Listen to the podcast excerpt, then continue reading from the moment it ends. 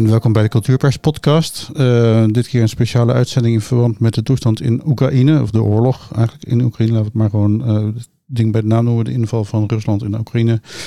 En uh, dankzij Leo Bankersen, onze filmspecialist, hebben we nu ook contact met Elena Rubashevska.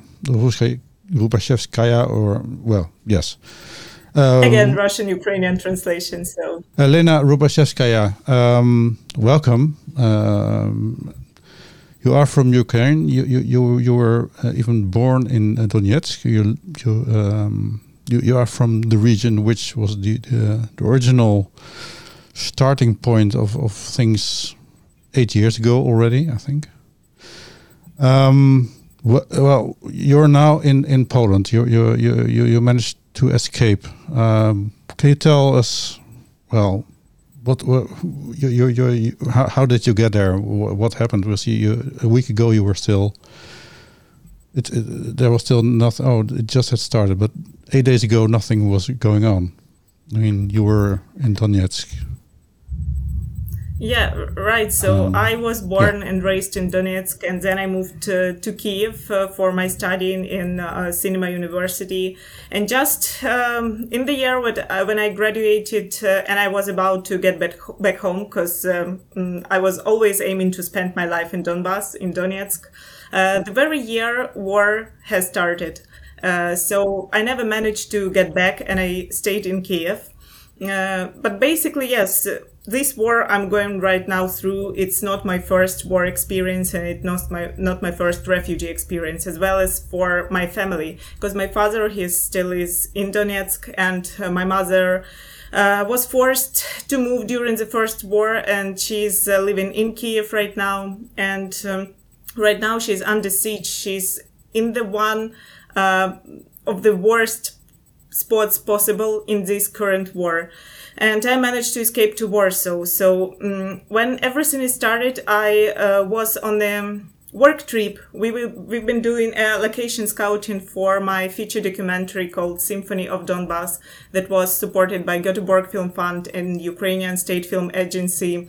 And we just finished our trip. We had like a couple of days left to, to settle down all the businesses and um, uh, but uh, the, the next morning we were waking up by the sound of missiles and back then, no one thought that this war would turn out this massive and this absurd. Um, most of the people was thinking that Putin was aiming just for the Donetsk and Lugansk regions. Um, so our first goal was to escape the border of the regions. But by the time we reached Kiev, um, the war was in a full scale in the city and um, I had almost nothing with me, almost no belongings, just several things that I had with me on a work trip. Um, and my task was to get back home in the outskirts of the Kiev. It's a smaller city, smaller neighborhood right next to Kiev. Uh, unfortunately, my home it is based next to the military air base. That's why it was one of the strategic objects that was attacked by Russians. And uh, at first, again, like everybody was saying, Putin will attack only strategic object, he will destroy infrastructure, as that would be it. But soon enough, we've learned that it's not true because Russians started consciously targeting civilians. And um, mm. right now, my city and several other neighboring cities, they are completely blocked because the very first day of the war, they destroyed all the roads, they blown, blown up all the bridges, and it was no way for people to escape out of there and obviously it was uh, no way for me to, to go there and pick any uh, kind of belongings and most importantly my international passport. So I was left there in Kiev, like with no place to stay, with no possibility to get out my mom and my friends out of this war epicenter, um, and with no passport. Uh, one night in Kiev was enough for me to realize that it is not the place to be and that um, the only right thing would to would be to escape. Though back then we had no information because uh, I mean it's my personal opinion, but I think I, I think everybody, even Ukrainian government, uh, they were caught by surprise by what happened. I mean, no one expected it to be that big and like that long and that aggressive. So there was no information for civilians regarding what to do. And I just headed for the railway station on foot and there were so many people there like thousands of people and so little trains and people were trying to board them. And it was a complete panic like a disaster movie you know like everything that you can imagine crying children foreigners pets older people fainting. It, it was just horrible. And um, i boarded the train by sheer luck because uh, being in a, such a crowd, you, you couldn't choose where to go, really. You just can hope that you would be in the right place in the right time. So somehow I was there and this throng, it just, um, I, I went with the flow and I ended up in a train in 10 minutes time. But I know stories of other people who couldn't board the train for two, three days and Jesus standing there with this vain hope and they couldn't get out of Kiev. But I was lucky enough and I managed to get and uh, there were like 14 people in one compartment and there was almost no air and obviously there was like no food no water. People were running out of charge. They were begging each other to give each other power, power banks to in order to call their relatives their loved ones. Uh, but it, it, was a complete disaster and by the time we reached lviv i mean so many people were already exhausted because they haven't slept for two days in a row. Some uh, people haven't eaten and um, Lviv was no relief, unfortunately, because like this amount of people, trains were arriving like each and every hour with these thousands of people, so there was simply no place, and it was curfew outside uh, of the railway station, so no one could get out, and like soon enough, the railway station filled with people to the extent that they were really fainting, especially older people, and like all the children were crying. Uh, and we had to wait until 6 uh, a.m. Uh, when the curfew ended. And um, uh, then, like, some of the people were aiming for the trains that went for the Poland. But me, like, experiencing this Kiev Lviv train, I realized that I couldn't get through this experience anymore because it was too harsh.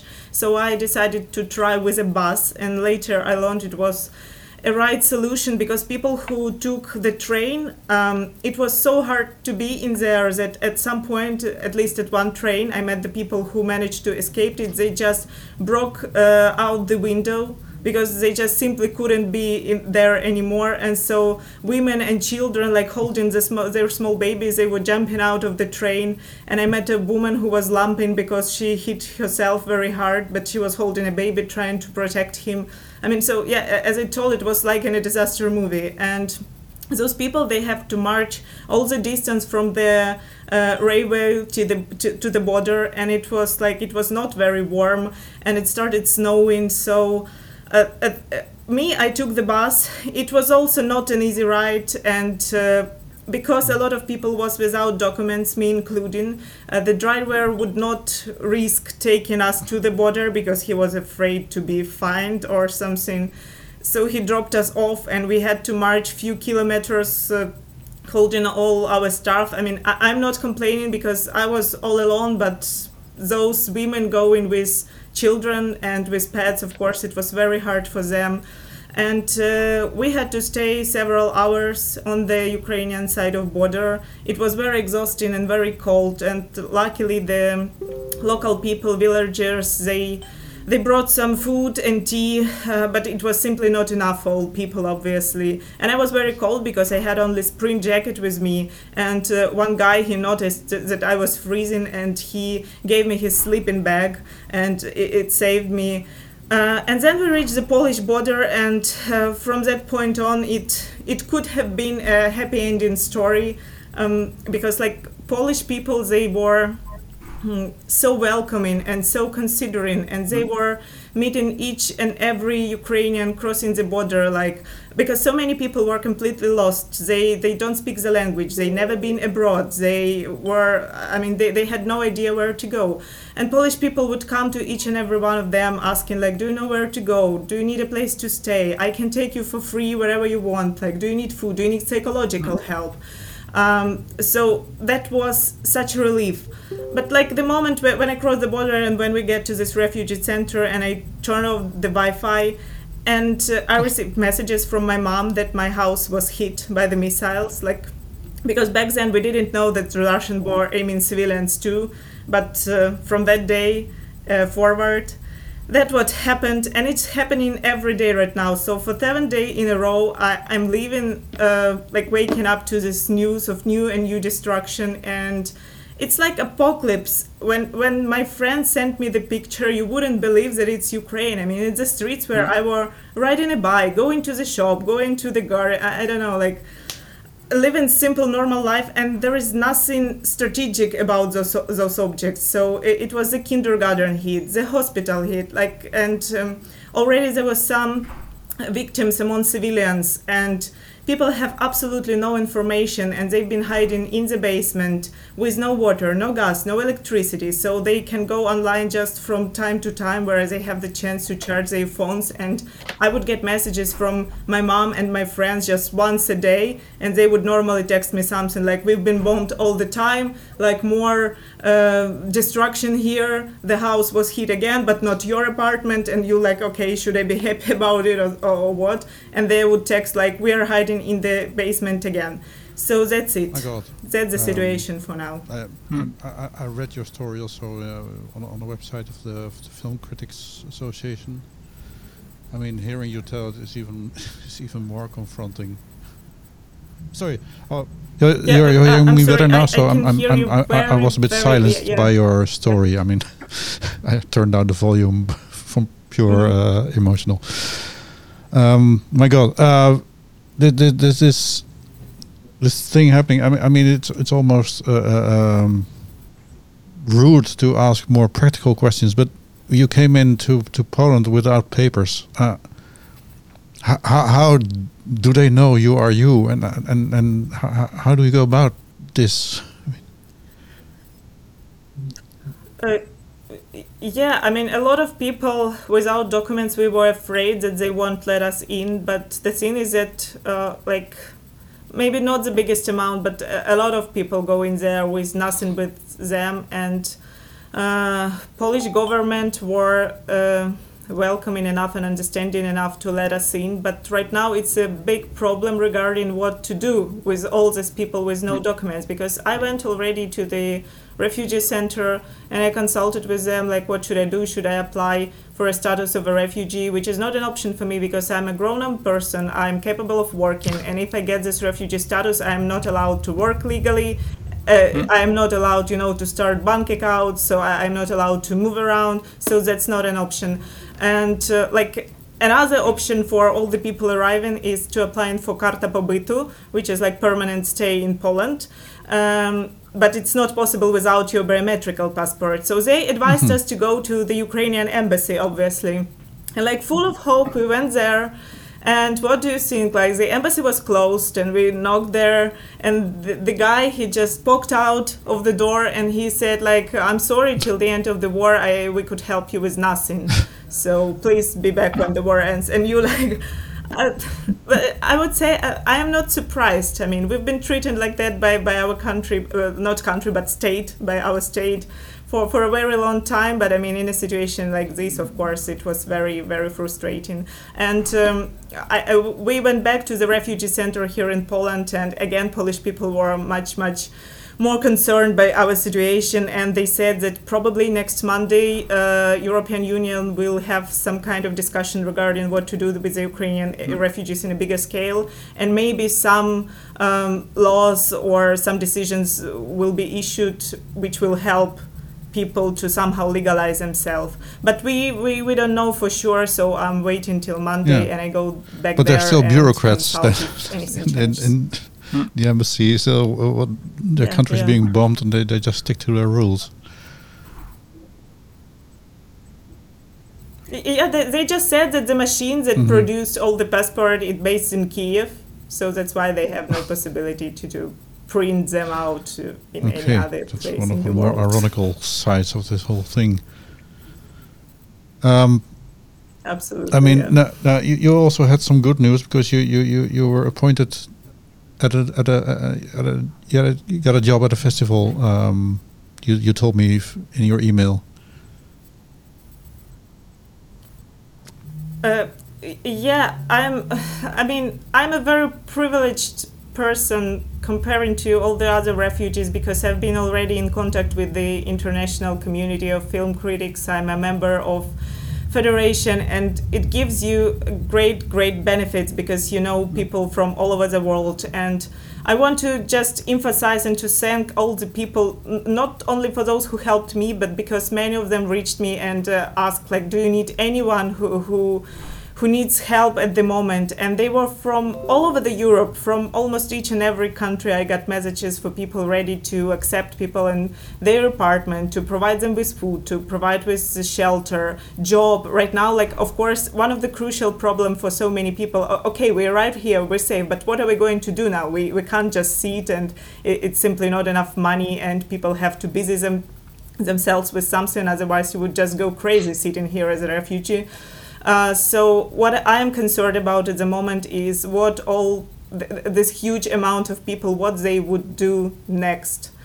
And I- I'm really hoping that European Union will find out some very practical solutions regarding how to employ all those people and also how to deal with all the psychological harm done because obviously so many people will suffer from post-traumatic syndrome and it's also you know it's it's a big blame game that started right now because those people left in Ukraine um, I mean, my best friend, he wouldn't talk to me anymore because he said that I left him behind and like I betrayed him. But and there are so many messages received by different people and like people would for example when i ask them like how are you doing today like what's going on back there and they said okay it's easy for you to ask from your perfect safe poland so and there will mm. be much much more psychological problem popping mm. up uh, in like different areas. So European Union yeah. also has to be ready to deal oh, with that. that. that's really that's really awful. That that that your friends. I mean.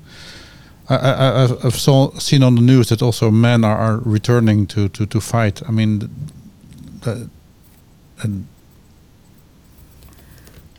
Oh yeah, uh, regarding men, I, I wanted to mention also that, like, um, from my point of view, one of the big problems in Ukraine at, right now, um, there are a certain amount of people, young men, who is quite excited by war, you know, because mm. it, it's a possibility to at least be busy somehow and to contribute to what's going on and, you know, put up a fight. But uh, we are coming from generation that was raised with a bit different values than just being heroic and like giving your life for for your country. We we were raised thinking that all peoples are brothers and like people don't have to kill each other. So right now, when it is obligatory for young people to register at these uh, military stations, like I, I know so many friends who don't want to go there not because they don't care about the situation, but because they deeply believe that people should not kill each other, mm. but they like obliged to go there. Otherwise, they would be threatened by the Ukrainian state, you know, and their fellow colleagues who who like who are excited about war. So uh, apart from the outer enemy who is aggressive enough, we have this um, mm. this variety of uh, inner problems right now, mm. and they would be multiplying. So there's division uh, among about. you as Ukrainians. So. Yeah, of course, and and I already like yesterday I talked to a friend who I mean obviously non men could ex- escape to European Union, so mostly they are gathered right now in the western part of the country, and like there are too many men, too little work, what will they do there? They already started being aggressive toward each other because it's simply not enough space. And, you know, like some people behave better and try to help each other and somehow unite in such situation.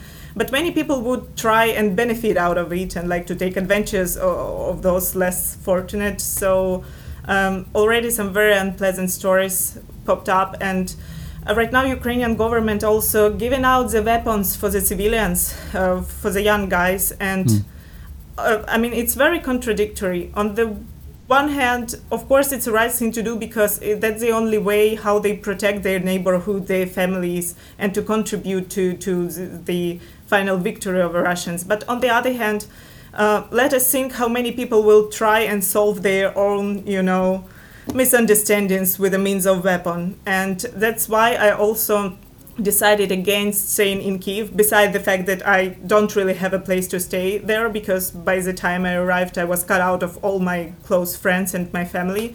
Mm. Um, but I was staying um, for one night at a place with two guys, my friends. and they were about to go and get the weapon and they were a little bit too excited about it and, and watching them i realized that i don't want to be in one mm. premise with two guys with weapon and um, yeah but, that's again that, that's my approach because um, I, I, probably also come from uh, people with beliefs who, who we are deeply anti-militarist and we don't want to be engaged in any kind of activity but i have no answer to, to this problem. So when someone's attacking you, what should you do? Should you just stay idle and wait for them to kill you? But on the other hand, I can't imagine, for example, myself taking a weapon and killing another human being. Yeah. So that's, that's, that's also uh, a big problem. It's also noted that, that in the article by Leo, um, you were cited as, as, as being a bit critical about the film, the movie, which is now being shown in movie theaters uh, all, all over, oh, yeah. um, at least the Netherlands. Mm uh, because it, it's depicted an image of the people in Donbass uh, region as being very stupid and, and, and low life. And well, you you are from Donetsk, um, so. Yeah, I've been dealing with this stereotype for the for my whole life. Um, and for example, when I just entered the university, uh, my teacher at these uh, first initial exams, he was uh, stunned by how well I speak Ukrainian. And like I was like why is that? I'm coming from Ukraine. It doesn't matter that I come in from Donbass and uh, but you know that's a human nature because again for the past 8 years for example when I was visiting Donetsk they would say to me something like okay you betrayed us and left for living in Kiev and Europe so you are pro-Nazi and like pro-Bandera government. Uh, we hate you. Then I go back to Kiev and they said, okay, you're coming from Donetsk. You obviously support Putin and you're separatist.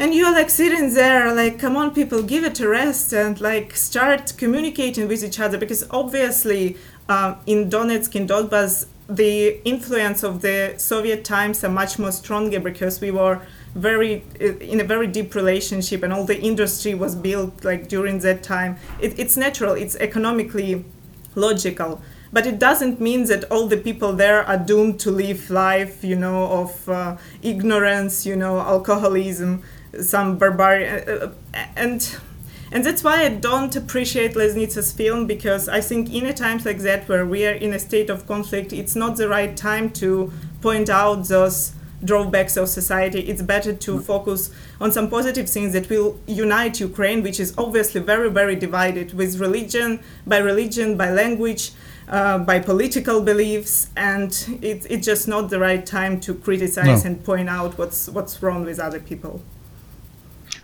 I, I think I was just wondering this this opposition between the eastern part of Ukraine and uh, the rest of Ukraine, does it does it go back to the time when it was all in the Soviet Union? Was uh, again, I, am not historian and I'm not political expert, so I can tell no. only um, my own opinion and based on my own experience. But for me, it seems logical that Ukraine uh, was, for a longer time, it has never been united in the borders that officially rec- recognized right now by the whole world. And mm-hmm. like the eastern part divided by Dnipro, it was like half of Ukraine, eastern part and western part. So eastern part, it was always a part of Russia, or it mm-hmm. like Crimea, it was the Turkey um, and you know Asian uh, and western part, it was either Poland or Austro-Hungary or uh, so they were really very very divided, yeah. and they were gathered together. I mean. I hate saying this, but it's true. I mean, if you refer back to history, what, what Putin said just right when the war started, that uh, Lenin contributed a lot to gathering Ukraine in the borders we know it by now but we mm. lived perfectly well until um, until let's say 2004 when the first revolution came i mean i don't remember I, i've been quite young back then but I don't remember any hatred. And being from Donetsk, I remember my parents putting me in the Ukrainian school because they really want me to speak Ukrainian in the future. And I remember how we cherished our identity, how I wear this embroidered shirt, and we really wanted to belong to, to Ukraine in a better sense. But then somehow you know, with, with the course of years, uh, all this language problem somehow appeared though it was never there before. I mean, you can perfectly well speak Ukrainian in, in Donbass and you can go to Lviv and speak Russian. No one would pay attention to that. But then society was, um, I don't know, stirred up. I, I, I, don't want to, to tell that there is some outer power doing that, no, but, but somehow, um, I mean, when you point out to you, to what makes us different, it, it's very easy to, to make people angry toward each other, especially mm. when the state does not find itself in a perfect economical position you know when people start blaming each other for being miserable. Mm. and then you can just point out to religion or language or i don't know your origin doesn't matter. No. like anything can be a pretext for a fight. As, as, as you're not only a festival director but you're also a movie critic but you're also directing films yourself. You're making films. Um, is there any way you can you can contribute yourself to to making things better? Or uh, uh, have you do you have thoughts about it? I mean you're you're just uh, from the trade yeah, i mean that's what i must all be very very garbled in, in your head but is, is this already going on with you? Uh, of course i've been thinking about it like as well as uh, other film directors i've been in touch with uh, I think one of the biggest problem right now, and I'm very sad about that, that from now on, and even for the past eight years, but for now on especially, Ukraine will be always exclusively associated with war. And everybody would expect directors making films about their experience, like how miserable we are, what we went through, and stuff like that. Mm. But the problem is, like many people would benefit of that, and many can I say shitty films would appear definitely just because the funds will give money for such a topic because like it's it's so good to promote something like that. Obviously, many good films appears too, uh, but there were so many directors and good, great, talented young people who who would like to make a comedy or romance movie or mm. movie like a fantasy you know now they have no chance unfortunately i mean probably some of them would somehow manage to stay in the field and direct some other movies. But like in general ukraine will be from now on associated with war. And i'm very very sad about it. And i was about to start making my debut um, documentary feature uh, and we just finished this location scouting and the, the, film. It called the symphony of donbass and everybody was making films about donbass for the past eight years but they mm. were all somehow related to war uh, and I wanted to make a movie about my memories of Donbass before the war. Like, because for me, uh, it may sound strange, but for me, it was always this magical land with plants and coal mines and salt mines and chalk quarries and the land is very rich. It's very beautiful. It's nature. It's energy. It has sea. It has steppes. It has chalk mountains. So we were researcher, researching the um, industrial folklore and we had this unique industrial folklore of coal miners. Mm. and uh, i was going through fairy tale that i was hearing from my grandmother who worked in a coal mine in the childhood and like we've been collecting all these materials and i want to ruin this stereotype that donbass is only about war because obviously it is not. But unfortunately for now it is about war. And right now it's not only about donbass but the whole ukraine and it makes me yeah. very very sad of course.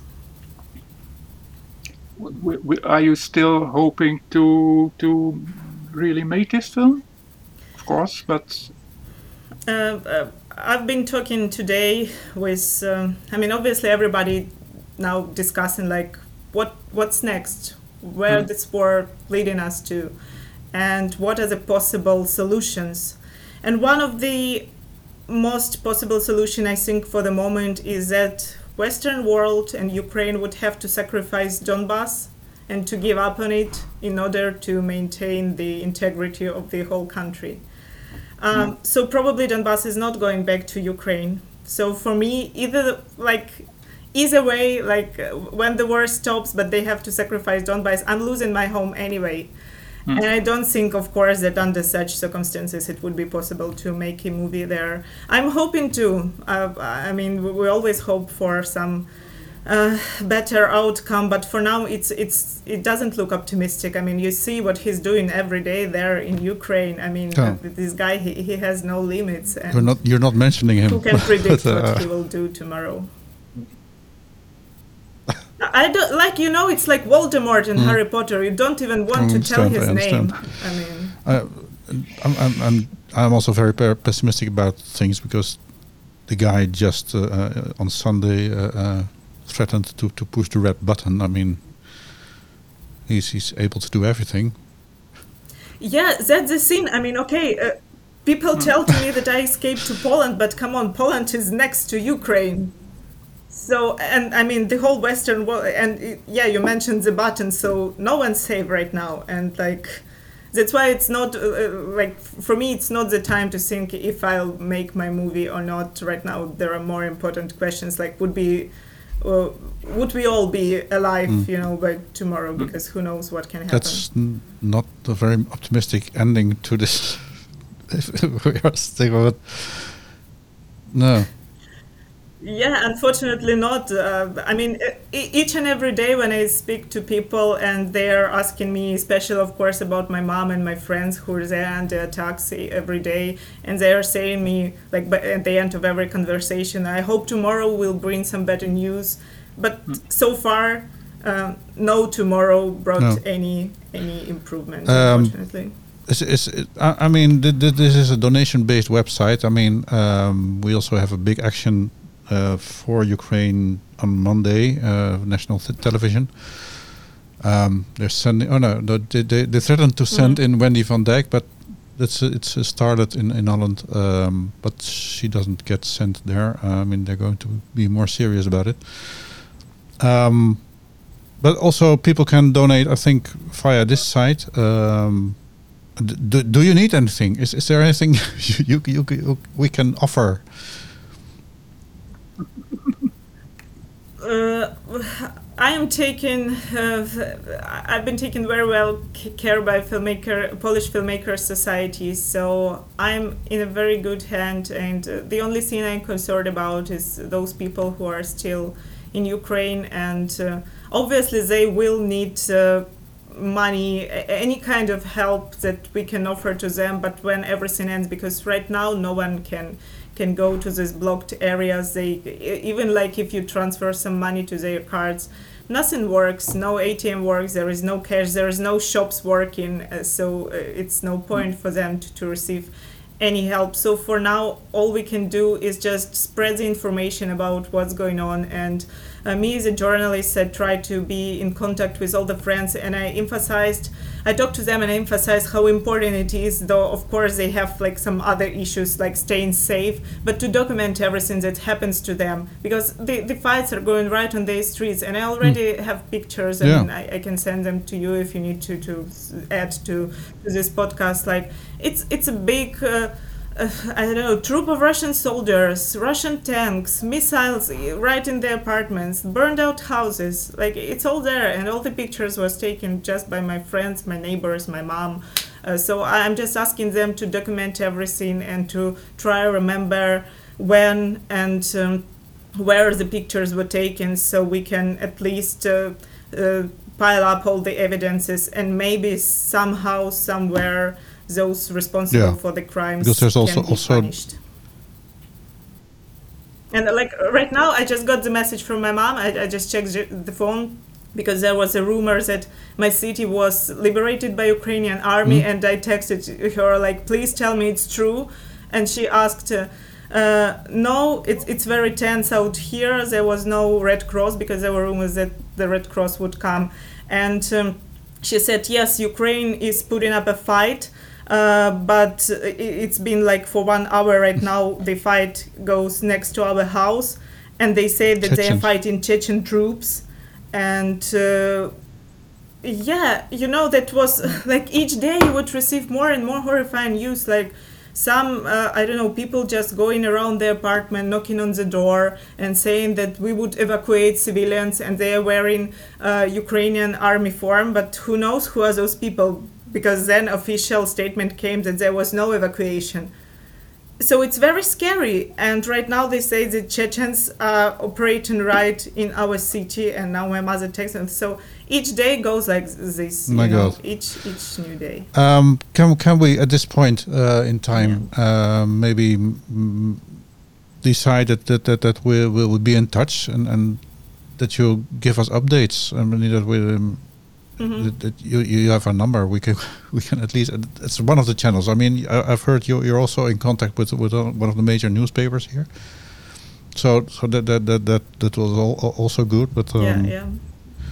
uh, one feels powerless here, um, in, in in the relative safety of. Uh, yeah. yeah we, we all are powerless now but, but but at least we i don't know maybe some of uh, right now we also like me and my fellow film, filmmakers we are trying to organize broadcasting for our russian colleagues and do it in russian language because uh, I mean, we're all here in Europe and Ukraine. We are know what's happening, but Yeah. so many people in Russia still don't believe, and they they say like it's all fake and only for example, when I send pictures from my very street to my friends and I'm saying in Russia and I'm saying to them like it was taken by my mother, it was taken by my friend, it's true, it's real. And they can't believe it, but they they have to believe it when they hear it from me personally. So we are uh, decided to organize this broadcasting and invite more Russians so it would be like some kind of closed channel channel so not everybody can be let in and just today we were figuring out how to do that and uh, guy the technician he's right now trying to organize it so um, that's at least something we can do and how we can contribute to to tell uh, the people in Russia what their government is doing at the moment, and maybe they can somehow, I don't know how, but maybe somehow they can help us from Yeah. within this empire of evil. Well, some some something to look forward to. Uh, well, let's hope something happens for good. Yeah, yeah. Um, Irina, thank you very much for, for talking to us. I, I mean, I've, I've, I've, I've- read your story. I'm, I've, I've seen your picture also from the train. I mean, this was a harrowing image of people stuffed into the, the, the hallways and things like that. yeah. I mean, uh, please send us pictures. We, we, we can put them in, in the article next to the to the podcasting.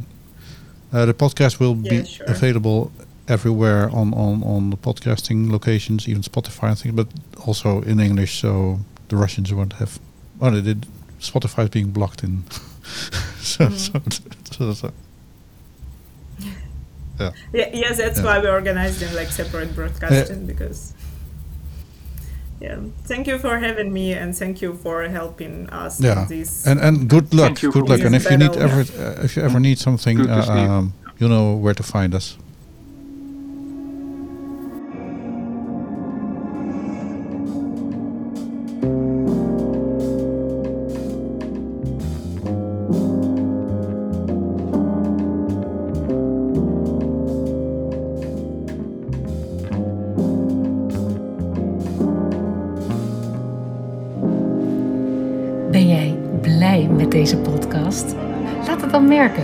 Kleine donatie. Kijk op www.cultureelpersbureau.nl doneren en maak ons gelukkig. Dus www.cultureelpersbureau.nl schuine streep doneren.